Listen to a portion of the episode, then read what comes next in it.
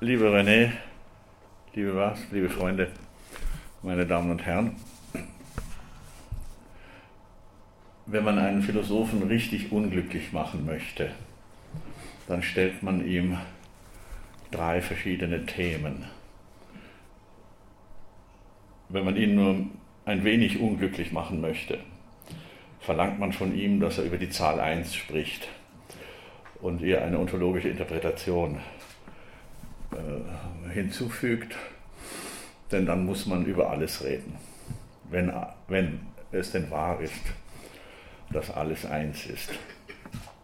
wenn man ihn noch unglücklicher machen möchte, schon ziemlich unglücklich, dann verlangt man von ihm eine kleine Theorie über das Unendliche.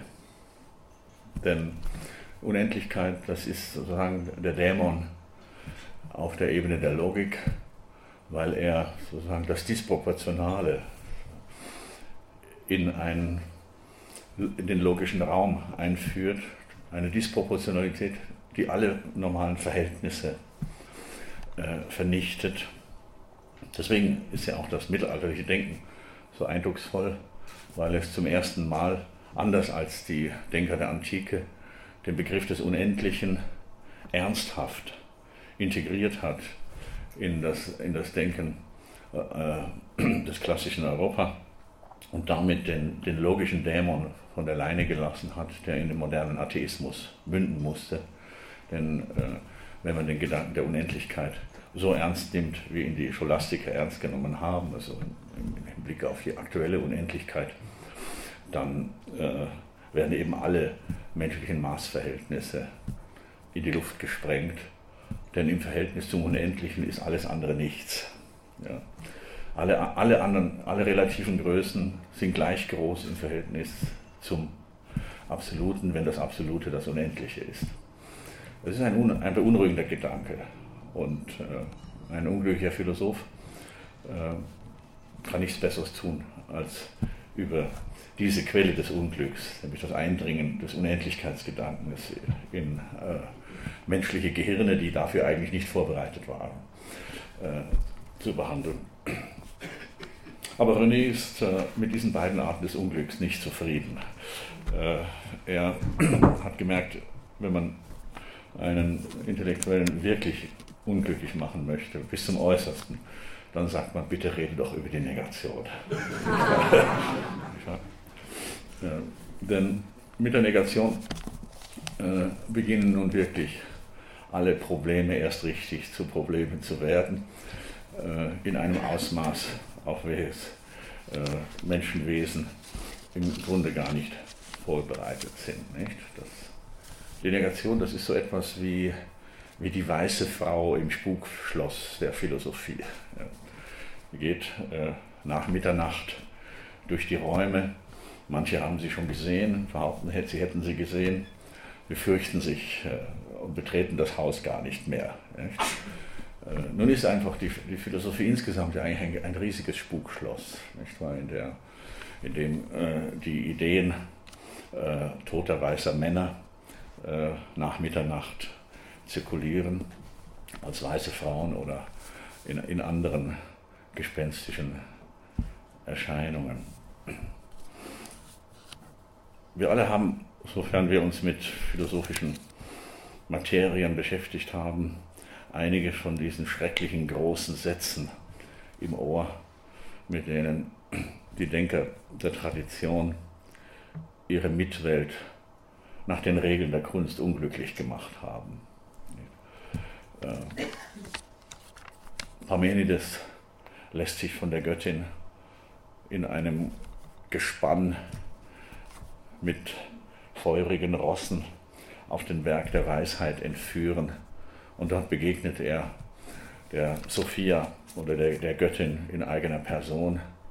Und die sagt ihm als erstes gleich, mein Lieber, äh, denke immer daran, nur das Seiende ist und das Nichtseiende ist nicht. So.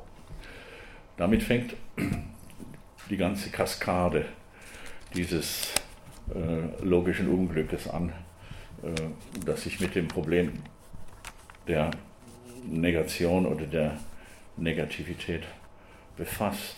Denn wenn alles eins ist, wenn wir also die, die Eins auch als die ontologische Urzahl akzeptieren, dann müssen wir das Nichtseiende ausschließen und müssen aber paradoxerweise von der Verneinung dieses Nichtseienden auch wiederum Gebrauch machen, sodass man das Gefühl hat, irgendwas geht da schief von, vom ersten Augenblick an, weil wir ja hier zwei Verneinungen brauchen, nämlich um mit der einen Verneinung die andere Verneinung auszuradieren. Das, das hört man schon im ersten, im ersten Moment, äh, wenn die Göttin dem Philosophen ans Herz legt, er möge sich an den Weg des Seins halten und in Zukunft bedenken, dass das Nichtseiende eben nicht ist, dann gibt es ihm einen paradoxen Auftrag, äh, nämlich immer nur nach dem Sein hinzuschauen und alles andere unberücksichtigt zu lassen.